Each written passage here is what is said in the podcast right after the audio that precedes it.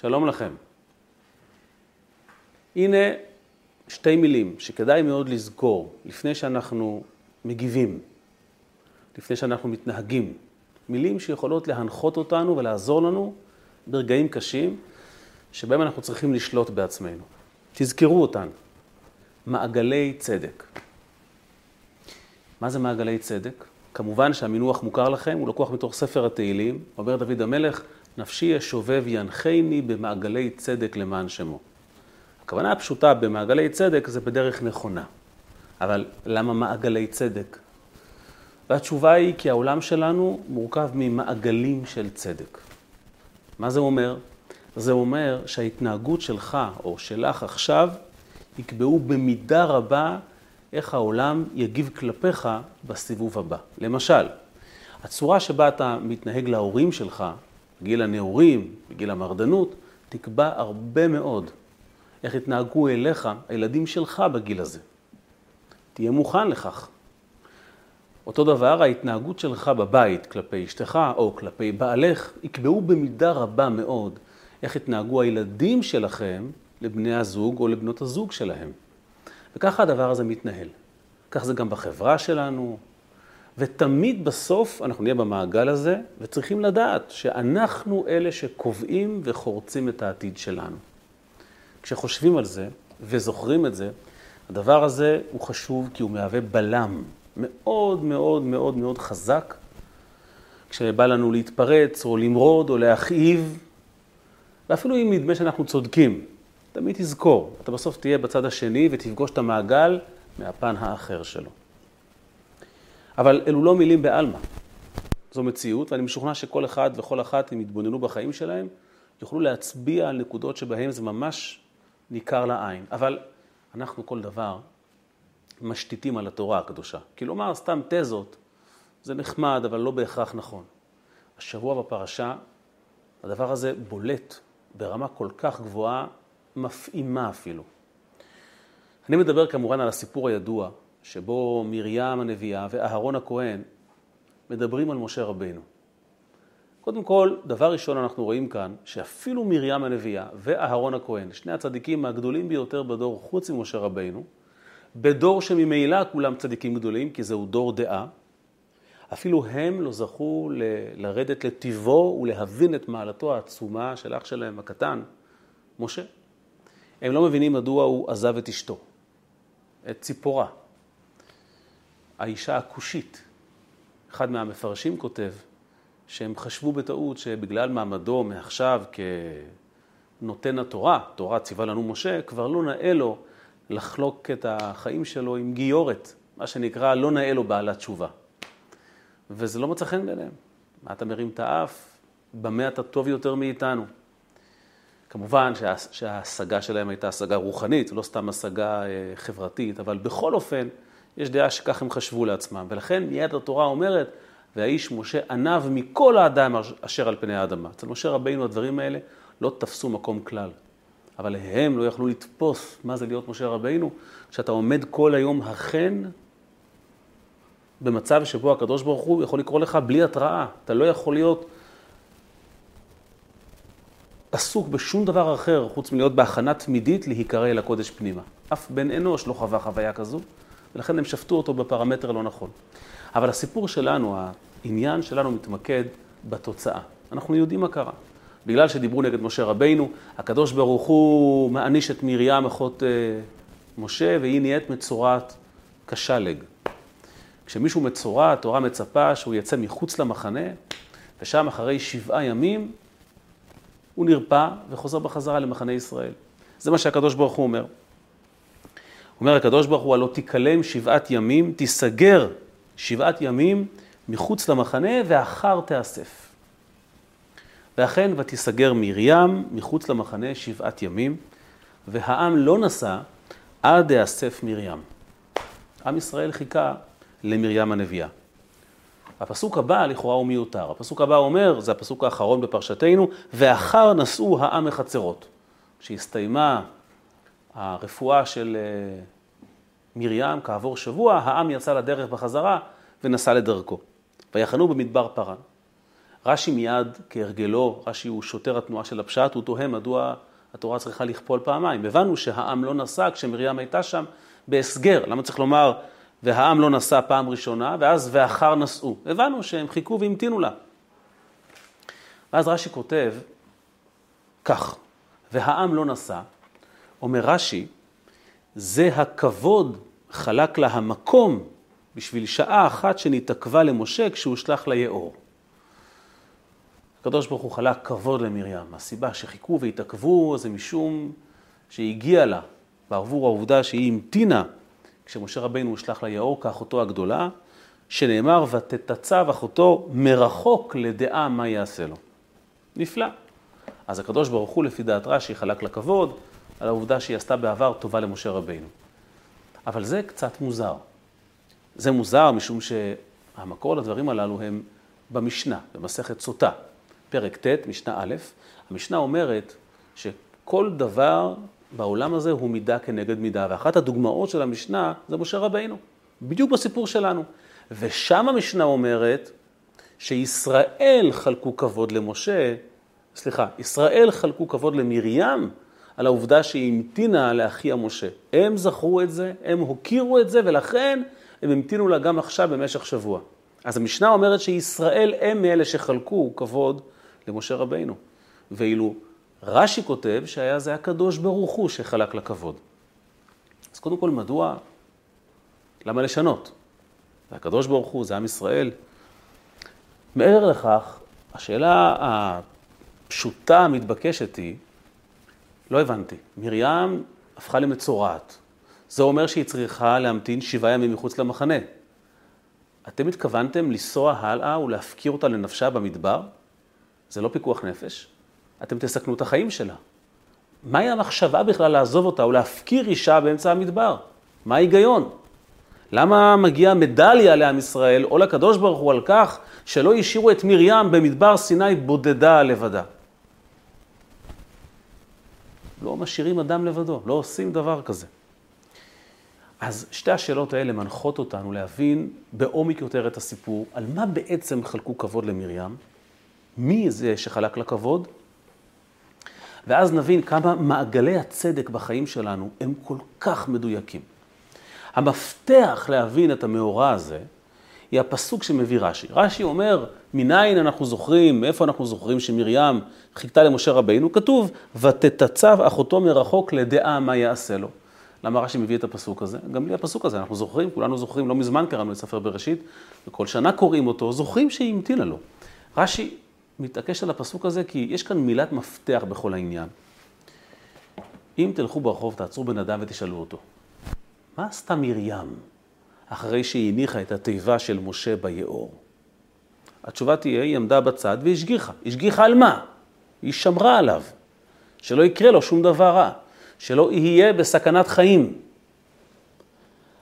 אבל רש"י אומר לך, תקרא שוב את הפסוק, ותגלה דבר מעניין. ותתצב אחותו מרחוק.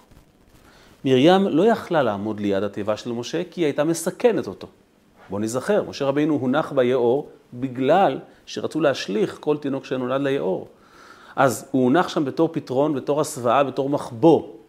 והיא התחבאה מרחוק, כדי שלא יחברו אותם, לא יקשרו ביניהם. במילים אחרות, כשרש"י אומר ותתצב אחותו מרחוק, הוא רוצה להדגיש כאן משהו. מרים עמדה שם על שפת היאור, לא כדי לשמור על חייו של משה. היא לא יכלה לשמור על חייו, כי היא עמדה מרחוק. אז למה היא הייתה שם? לדעה מה יעשה לו.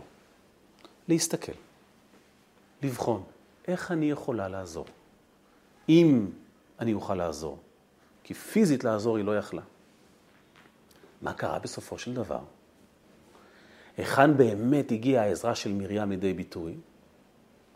כולנו זוכרים גם כן. הגיעה בתיה בת פרעה, לקחה את התיבה של משה רבינו, אימצה את משה אליה כילד, אבל אז מסתבר שמשה רבינו כבר בגיל כל כך קטן לא אוכל אוכל לא כשר ולא הסכים לינוק מהמניקות המצריות בארמון פרעה. מה עושה בתיה? מתחילה לחפש מינקת שהתינוק הזה יסכים לאכול ממנה, ואז ואז התועלת של מרים, האחות, זו שעומדת ושומרת על אחיה הקטן, באה לידי ביטוי. נכון, לעזור לו כשהוא באמת שט על שפת המים ביאור, היא לא יכלה.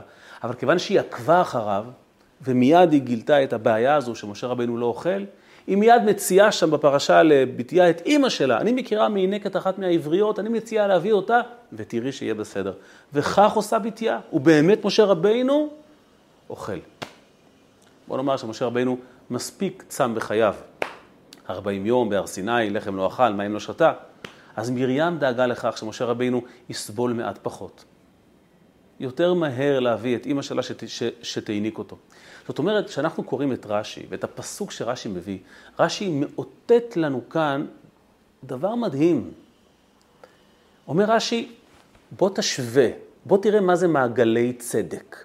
בוא תשווה ממש אחד לאחד ותראה שמה שעשתה מרים למשה רבינו, בדיוק חוזר על עצמו ומשחזר את עצמו עכשיו כשמרים זקוקה לעזרה. ממש אחד לאחד, לא באופן כללי. מה בסופו של דבר, לפי מה שאמרנו עכשיו, הייתה התועלת של מרים? היא פשוט קיצרה את הסבל של משה. לולי נוכחותה, משה רבינו היה צם עוד כמה ימים, כי בסוף היו מגיעים ליוכבד. כי היו מגיעים בסוף ליהודים, ואיכשהו הכל היה עובר, ויוכבד הייתה מגיעה. ומשה לא היה אוכל מאף אחד, חוץ מיוכבד, אמו הקדושה כמובן. אז התועלת של מרים הייתה שהיא פשוט חסכה למשה כמה ימי סבל. זה נראה לנו פשוט, נראה לנו איזוטרי, בסדר, עוד יום, פחות יום, מה זה משנה? מסתבר שאצל הקדוש ברוך הוא הדברים הללו, מעגלי הצדק, הם מאוד מאוד מאוד משמעותיים, והם חוזרים וחוזרים בגדול. מה קרה כאן בסיפור של מרים? שאלנו קודם, באמת העם חשב להפקיר את מרים לנפשה? להמשיך לנסוע בדרך כשהיא מצורעת, להשאיר אותה במדבר לבדה? בעצם התשובה היא לא. לא היו משאירים אותה לבדה. היו פשוט ממשיכים לנסוע, כשהיא משתרכת מאחורי בני ישראל, אבל מכיוון שהיא צריכה להיות מחוץ למחנה כדי להיטהר, עד שבני ישראל לא היו עושים חנייה, התרופה שלה, המרפא שלה, היה מתמהמה. ואז עם ישראל יוצא לדרכו, והיא הולכת בעקבותיו, ויום אחד, בעוד כמה ימים, בעוד שבוע כשיחנו, אז היא תוכל להיות בדד מחוץ למחנה ולהתרפא. זאת אומרת, הסוגיה פה לא עוסקת בהפקרה של מרים, בכל מקרה לא היו משאירים אותה. כל הדילמה וכל השאלה הייתה עד כמה להעריך את ימי הסבל והבושה הזו של הצרעת. זו השאלה.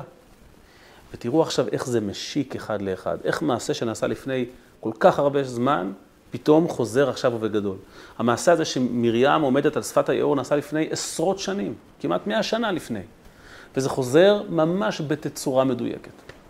כמו שאצל מרים הנוכחות שלה על שפת היאור לא עסקה בפיקוח נפש כי היא לא יכלה לעזור למשה, כי ותתצב אחותו מרחוק, גם פה הדיון והשאלה לא היו האם לאסוף את מרים או להזניח אותה במדבר. לא עוסקים בשאלה הזו, אף אחד לא חשב להשאיר אותה שם בכלל. השאלה הייתה האם לעצור את המסע ומיד לתת את האפשרות להיות מחוץ למחנה, כי רק כשבני ישראל בחנייה, אז יש מחנה, פורסים את המשכן, וסביבו בני ישראל חונים, ואז אפשר להיות מחוץ למחנה ולהתרפא, או לנסוע, כמו שהקדוש ברוך הוא מצווה, ומתישהו לתת את הצ'אנס. אז כל הדיון פה, עד כמה לקצר ולחסוך ממנה ימים של צער. בדיוק כפי שהיא עומדת על שפת היאור כמעט מאה שנה קודם, וכל מגמתה וכל עניינה לנסות לקצר איכשהו את הסבל של אחיה הקטן, מתי שהיא תוכל. וזה בדיוק מה שקורה פה. בני ישראל עוצרים את המסע ומעניקים למרים את האפשרות להיות מחוץ למחנה כדי להביא לעצמה רפואה. ובכך קיצרו את ימי החולי וימי הסבל שלה. וזה מה שרש"י רוצה להדגיש כשהוא אומר, ותתצב אחותו מרחוק. אומר רש"י, שים לב, יש פה סימטריה מדהימה. כמו שאדם מתנהג בסופו של דבר הוא כותב לעצמו את התסריט העתידי שלו. זה בדיוק מה שיקרה, וזה בדיוק מה שקרה כאן. כל אחד מאיתנו בחייו קיבל מהקדוש ברוך הוא מתנות שונות. אחד קיבל זוגיות נוחה, אחד קיבל הורים תומכים, אחד קיבל ילדים ממושמעים, אחד קיבל חברה טובה לחיות בה, אחד עבודה טובה. הדברים הללו לא נופלים משום מקום. יש להם מקור. אם אדם יפשפש היטב, בסופו של דבר הוא ימצא שהדברים האלה נעוצים במשהו שהוא עשה פעם. מי מאיתנו לא שמע מאימא שלו פעם את המשפט, אתה תחכה ותראה, יהיו לך עשרה ילדים ואחד כמוך. לא תמיד זה לגנאי, לעתים זה לשבח, אבל זה נכון. אני יושב לעתים עם זוגות שבאים להתייעץ ולבקש עצה טובה, ו... ואני מקשיב לסיפור החיים שלהם. ואתה שומע איך המעגלים חוזרים על עצמם. איך מה שהם חוו בבית, הם משחזרים בחייהם שלהם. איך הצורה שבה הם העבירו את ההורים שלהם בשנים מסוימות, עכשיו פתאום עובר עליהם גם כן. ואנחנו יכולים בכל רגע לעצור את המעגל הזה ולפתוח מעגל חדש, אם רק נחשוב על זה ונבין את ההשלכות העתידיות. האדמו"ר השלישי של חב"ד, קראו לו אדמו"ר הצמח צדק. היו לו שבעה ילדים, כולם צדיקים אדירים וגדולים, וכולם נהיו אדמו"רים, כמעט כולם, אדמו"רים גדולים וצדיקים. הדבר הזה כמובן הסב מן הסתם הרבה מתח בין החסידים, אבל הם היו ראויים לכך, אז הם עשו את זה. הבן הגדול של הצמח צדק, רבי ברוך שלום, הרבש, כך כינו אותו, הוא היה מיוחד בצניעותו, בענוותנותו, והוא לא לקח על עצמו את נזר האדמו"רות. אמר לו אביו הגדול, בזכות זה שהקלת מעט, ו- ולא נכנסת לנישה הזו של להיות אדמו"ר, אז אני רוצה להבטיח לך. ואז הוא אמר לו את הפסוק, ודור רביעי ישובו הנה. מה שנקרא, אתה תראה שבדור רביעי הקדוש ברוך הוא ישיב לך כגמולך הטוב. מי הוא הדור הרביעי של רבי ברוך שלום שניאורסון, בנו בכורו של הצמח צדק? הרבי מלובביץ' הנוכחי. זה מעניין. שושלת חב"ד בנויה בדרך כלל עד הרבי מאבא או סבא, אב ובן, אב ובן, רק הרבי הוא, מה שנקרא, הגיע ממעגל אחר, ממעגל צדק אחר. אז ארבעה דורות אחורה, יהודי אחד החליט להתנזר מהכבוד ומהדיבידנדים הרוחניים של הדמורות, ומה הוא קיבל בסופו של דבר? נין ונכד שהוא הרבי מלובביץ', שכולם מכירים בשם הרבי מלובביץ'. אלו מעגלי צדק. וזו הסיבה שבניגוד למשנה, המשנה אומרת, ישראל חלקו כבוד למרים. רש"י מתעקש ואומר, היה זה הקדוש ברוך הוא, היה זה הקדוש ברוך הוא שחלק לכבוד. על מעגלי הצדק הקדוש ברוך הוא אמון. אנחנו לא יכולים לזכור את מה שקורה. נכון, גם בני ישראל זכרו את הסיפור המפורסם הזה, אבל מי בסופו של דבר הורה לעם ישראל לא להמשיך במסע, או יותר נכון, מי היה זה שהורה לעם ישראל שמצורע צריך להמתין שבוע מחוץ למחנה, ובכך בעצם קבע לעם ישראל את ההנהגה בפועל להמתין שבוע למרים, הקדוש ברוך הוא. נכון, בני ישראל ביצעו את זה. בסוף הביצוע הוא בידינו, אבל מי מנחה מעגלי צדק? צריכים לדעת את זה, הקדוש ברוך הוא. הקדוש ברוך הוא נותן לנו לכתוב את התסריט. המשנה לא ייחסה את זה לקדוש ברוך הוא, כי המשנה היא נקראת תורת הנגלה. היא אומרת מה קורה בשטח. בשטח, מי שביצע את הפעולה הזו והשיב למרים כגמולה, היו בני ישראל. אבל רש"י, רש"י נקרא יינה של תורה. רש"י מספק הצצה אל תוך העולם הפנימי, ורש"י מתעקש לומר לך, נכון, גם כשיהודי, גם כשיהודי עושה מעשה טוב, הבן שלך נחמד אליך, הוא עושה לך נחת. אתה זוכה להיות בעל נפלא, יש לך הורים נהדרים, דע לך.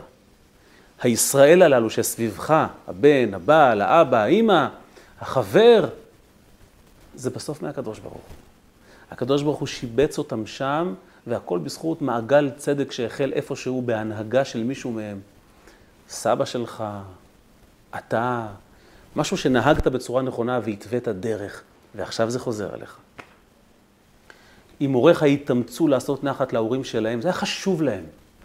כל דבר הם שאלו את עצמם, זה ישמח את אבא, זה ישמח את אימא, זה יעשה אותם מאושרים, אז גם הבן יחשוב כך, וגם הנכד יחשוב כך, וגם הנין יחשוב כך. וזה יעבור בתורשה. המעגלים הללו הם כמו אדוות על מים, זה לא נגמר אף פעם. ואפילו אם זה לא הצליח, ואתה רואה שהמעגל לא מסתדר, תפתח מעגל משלך. אל תתפתה ללכת אחרי האגו ואחרי הדחף הראשוני. תפתח מעגל משלך. הקדוש ברוך הוא, אומר רש"י, המקום חולה כבוד, הוא מנהל את זה בצורה הזו. עד כדי כך שבני ישראל נתנו למרים האחד לאחד בתמורת מה שהיא עשתה. כל הדיון הוא לקצר את הסבל שלה. כן. לפעמים זה פשוט לחשוב איך אני עושה חיים קלים יותר לאנשים מסביבי. ככה אני פותח מעגל של חיים נוחים יותר, והמעגל הזה יחזור בסופו של דבר. דור ודור נוסף, ככה הדבר הזה עובד. אז ברגע כזה שאנחנו מנסים אה, לבנות את החיים בצורה נכונה, והחיים מאתגרים אותנו, אנחנו מוכרחים לזכור, בני ישראל מונעים בידי הקדוש ברוך הוא. בני ישראל הם השחקנים על הזירה, אבל הבמאי הגדול הוא הבורא בכבודו ובעצמו. ואני אסיים בסיפור. לעתים זה אפילו לא, זה לא, זה לא לוקח כמה דורות. ממש רואים את זה בעיניים. זכיתי להרצות, הרצאה חינוכית, לפני כמה ימים, בפני אה, מנהלים, מנהלי מוסדות, מפקחים, מחנכים יקרים. אחד המנהלים סיפר שהיה לו מורה, מורה מופלא. נדמה לי, הוא אמר ששמו היה הרב ירחמיאל אלפרוביץ'. הוא יהודי עם סיפור חיים מאוד מרתק, אבל הוא אומר, הוא הגיע לעבוד אצלנו כשהוא כבר היה בגיל, קרוב לגיל 75. ובחוזה ההעסקה שלו, הוא הכניס סעיף שבכל ערב ראש חודש הוא לא מגיע לעבודה. מדוע? כי הוא נוסע למירון, וככה הוא נוהג שנים, הוא נוסע למירון להתפלל על, התלמידים. הסכמנו, ככה הוא נהג שנים ורצינו אותו, כי הוא היה שם דבר. ואמר אותו מנהל, היה פשוט מפליא לראות את ההילה ואת הכבוד שתלמידים רכשו לו. בשעה שמורים אחרים נאבקו על השם שלהם ועל הכבוד שלהם ועל המעמד שלהם בעיני הילדים, בעיני ההורים, ראית שהאדם הזה יצר מעגל שהזין את עצמו. הרצינות, האכפתיות הזו, החזירה את עצמה ביחס כלפיו, בהערכה. הוא היה מורה לגיל קטן מאוד, לילדים קטנים ורקים. ובכך רואים, אמר אותו מנהל, שכשהמורה מנהל את המעגל הזה בצורה הנכונה, לא צריך להשקיע בתדמית שלו. זה נבנה, זה נבנה מאליו. זה נקרא לבנות מעגל של צדק. ואני בטוח שאותם תלמידים של אותו מורה מתנהלים באותו אופן בבתים שהם מגדלים היום, בחינוך שהם מנחילים לילדיהם או לתלמידיהם. כך בונים מעגל בצורה בריאה. והדבר הזה ניכר מיד. מיד. מיד ראו, הוא אומר, כולם ראו את היחס השונה של התלמידים כלפיו ביחס לכל הבית ספר. זה לא מיסטיקה. כך אלוקים ברא את העולם. כך העולם שלנו מתנהל. ינחני במעגלי צדק למען שמו. כשנחשוב על מרים ועל הסימטריה ועל היחס הזה שהקדוש ברוך הוא מנהל, הדבר הזה יזכיר לנו הרבה פעמים להיזהר בהנהגה שלנו. ואני בישיבה, כשעבדתי בישיבה בחינוך, הייתי אומר הרבה פעמים לתלמידים שלי, כשהם רצו לעשות איזה שטות והסתכנו בעונש מהישיבה, הייתי אומר להם, תדעו לכם, החיים מאוד מאוד קצרים, אתה מאוד מהר נהיה אבא בעצמך. והתעלול שאתה עומד לעולל, או שאתה רוצה לעולל, אולי זה, אותך זה מצחיק, אבל יש אנשים שעובדים קשה מאוד כדי שתהיה פה, ואותם זה לא מצחיק. זה כואב להם. ואתה קצת מזלזל בזה, כי אתה לא מבין מה זה להיות הורה. אבל תזכור, אתה יותר מהר מאשר אתה חושב, אתה תהיה מהצד השני של השולחן. ומעגלי הצדק, מעגלי הצדק נכתבים על ידך. אל תעשה להם, כי זה יחזור אליך. צריכים לומר את זה. ובעזרת השם לקבל את הכוח מהקדוש ברוך הוא, חלק הכבוד מקום למי שנוהג בצורה הנכונה, כדי שבאמת המעגלים יהיו באופן של אה, נפשי ישובב, ינחני במעגלי צדק. מעגלים טובים, מעגלים נכונים, מעגלים של הכרת הטוב וחיים מאושרים אחד עם השני. בהצלחה לכולנו.